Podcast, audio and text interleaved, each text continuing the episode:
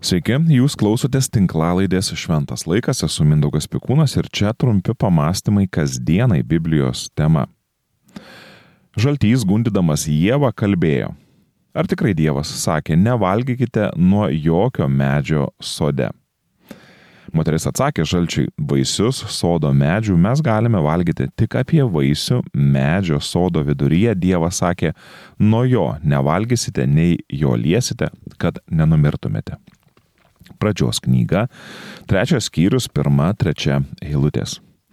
Jėva įsivelia į žodžių karą ir tampa auka savo pačios kriterijų, pagal kuriuos vertina ją supančią realybę. Dabar yra populiaru rašyti knygas apie sėkmingų žmonių įpročius ar svarbiausius sėkmingo gyvenimo principus. Bendrai pažvelgus, turbūt tarp visų šių įžvalgų galima pastebėti daug panašumų. Tačiau reikia prisiminti, jog kiekvieno gyvenime veikia daug skirtingų faktorių, kurie yra saviti būtent to žmogaus gyvenimui. Ir nors mes galime ir, manau, turime ieškoti universalių principų, vis tik reikia suprasti, kad vienam ar kitam žmogui kažkas pavyksta ar nepavyksta gyvenime ir dažnai tai yra tik dėl to, kad tai yra to žmogaus gyvenimas. Ir kai mes sugalvojame kažkokius kriterijus, kuriais vertiname visada ar ketiname visada vadovautis, atsiranda pavojus, kad tie kriterijai gali tiesiog netikti visoms situacijoms. Neliesti medį Jėvai buvo geras principas, kol nebuvo žalčio. Atsiradus žalčiui ant medžio neliesti medį principas pravėrė duris gundimui. Gali būti geras principas niekada nekalbėti su nepažįstamaisiais. Tačiau taip galima ir užkėtinti širdį nelaimės prašančiam arba pačiam nesikreipti pagalbos, kai jos tikrai reikia. Gyventi, te, pavyzdžiui, gyventi dėl kitų. Irgi gali būti geras principas. Tačiau tai gali virsti ir negebėjimu priimti kitų pagalbos. Visada taupyti kas negirdėjo tokio principo, kuris iš esmės gali būti geras principas, tačiau jis a, gali ir atimti galimybę iš žmogaus tiesiog pasimėgauti mažais gyvenimo malonumais. Visada išeiti iš namų susitvarkius. Girdėjau tokį principą ir visai neblogas. Tačiau kartais jis gali tapti priežastimi tikrų nesutarimų sukeltų papildomo streso, skubant palikti namus ypatingai, jei šeima yra didelė. Svečius reikia pavalgydinti. Dažniausiai tai šitas ateina iš svetingų, svetingų namų šeimininkų. Šis principas yra neblogas, tačiau kartais galima tiesiog atsipalaiduoti. Nes svečiai tikrai nėra alkani ir jiems reikia labiau tavęs pabendravimui, o ne maisto ruošimui. Tikiuosi supratote mano mintį. Reikia nemažai išminties harmoningai vadovautis kriterijais ir vertinimais savo gyvenime. Ir manau, jog reikia atsargiai pripažinti, kad visos mūsų sugalvotos taisyklės yra geras dalykas, tačiau jos yra lyg įrankių komplektas. Jie visi yra reikalingi, tačiau reikia išminties, kada ir kur juos naudoti. Taigi, Jėva tampa auka savo pačios sugalvotų kriterijų. Jei gundytojo nebūtų buvę, viskas būtų buvę gerai, Jėva būtų tiesiog nelietusi to medžio, tačiau visatoje, kur yra gundytojas, atidus pasitikėjimas Dievo žodžiu tampa gyvybiškai svarbus. Bet leiskite man dar vieną dalyką pastebėti. Turbūt atkreipėte dėmesį, kad pasakojimas apie Adomo ir Jėvos a, puolimą yra gana skurdokas jei uh, jį skaitėte ir, uh, uh, ir pastebėjote. Ir čia nieko su tuo nepadarysi. Tai yra vienas iš hebrajų kalbos požymių - santuri kalba. Tačiau tai nereiškia, kad ten trūksta gylio. Skaitant šį pasakojimą, man kilo vienas klausimas.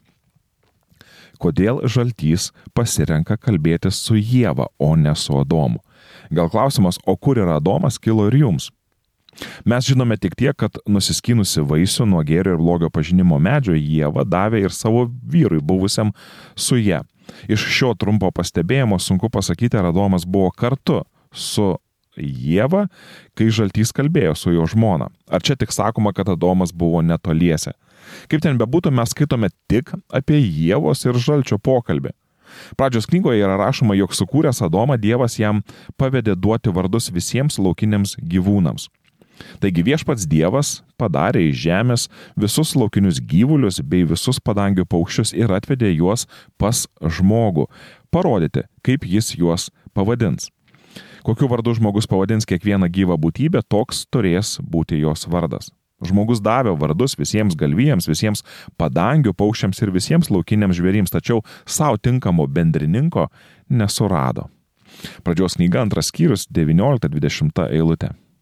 Mes matome čia, kaip Adomas kalba žvėrims ir jei taip galima pasakyti, yra lyg Dievas, kuris suteikia jiems tapatybę. Tačiau trečiasis pradžios knygos skyrius prasideda žalčio pokalbiu su Jėva. Matome Adomą kaip tarpininką tarp Dievo ir kūrinijos, kalbantį gyvūnams, o vėliau gyvūnus, kalbančius su Jėva, kuris savotiškai tampa tarpininku tarp kūrinijos ir Dievo arba Adomo. Atrodo, kad Adomas vienšališkai nusprendė suteikti gyvūnams vardus ir klausimas, ar tai gyvūnams patiko, lieka savotiškai pakabintas ore.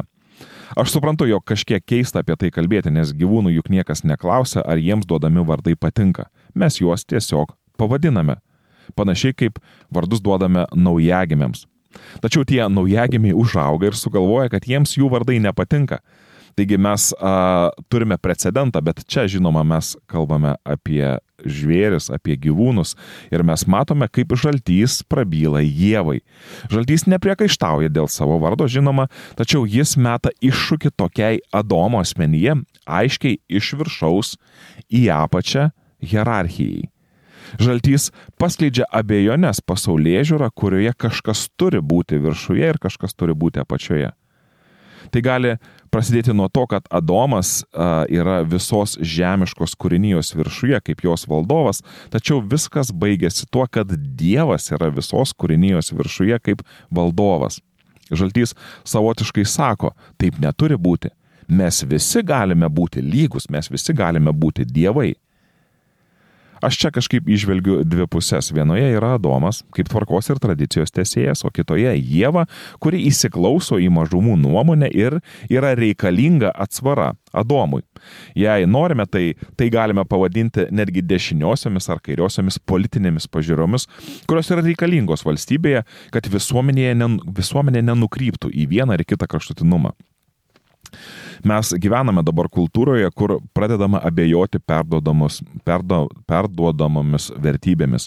Ypatingai norisi paminėti diskusiją dėl seksualinės orientacijos ar lytinės tapatybės, o konkrečiau dėl neregėtai atkaklaus kovojimo, o vėliau įsiskaudinimo, kai lytiniai tapatybei įvardinti jau nebepakanka paprastų įvardžių - tu, jūs, jis ar ji ir reikia daugiau įvardžių, kurie tinkamai atspindėtų žmogaus a, lytinę tapatybę.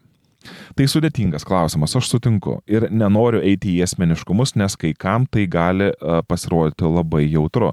Tačiau aiškus skirtumas tarp lyčių yra būtinas saugiai visuomeniai. Ir reikalavimas įsiklausyti į atstumtuosius ir juos priimti potencialiai gali kelti grėsmę visuomenės išlikimui. Pasikartosiu dar kartą, tai yra gana karšta tema ir į ją reikia gilintis atsargiai ir ją aptariant yra lengva nudegti ar netgi pamiršti, jog už visų savokų ir išvedžiojimų vis tik tais yra kalbama apie žmogų. Tačiau mūsų visuomenės uh, padidėjęs jautrumas nuskriaustiesiems, kad ir kas jie bebūtų, labai dažnai tampa nuodėmingo kvailumo išraiška. Aš suprantu, kad šiame nuodėmingame pasaulyje visi esame nuodėmingi ir išsibalansavę ir nesvarbu, ar labiau linkstame į dešinę ar į kairę, Norisi tik tais pabrėžti, kad šios pusės Dievo sukurtos, šios pusės Dievo sukurtos palaikyti pusiausvirai visuomenėje, visame pasaulyje, mūsų skaitytame epizode tapo susipriešinimo šaltiniu. Adomas duoda vardus gyvūnams ir jie iš principo gali nesutikti ir sakyti, tu man neduosi vardo, tu nesakysi man, kas aš esu, aš pats galiu duoti savo vardą arba nustatyti savo tapatybę, apibrėžti ją. Tačiau mes turime suprasti ir tai, jog abejonės bei klausimai dėl vieno ar kito dalyko turi savo ribas.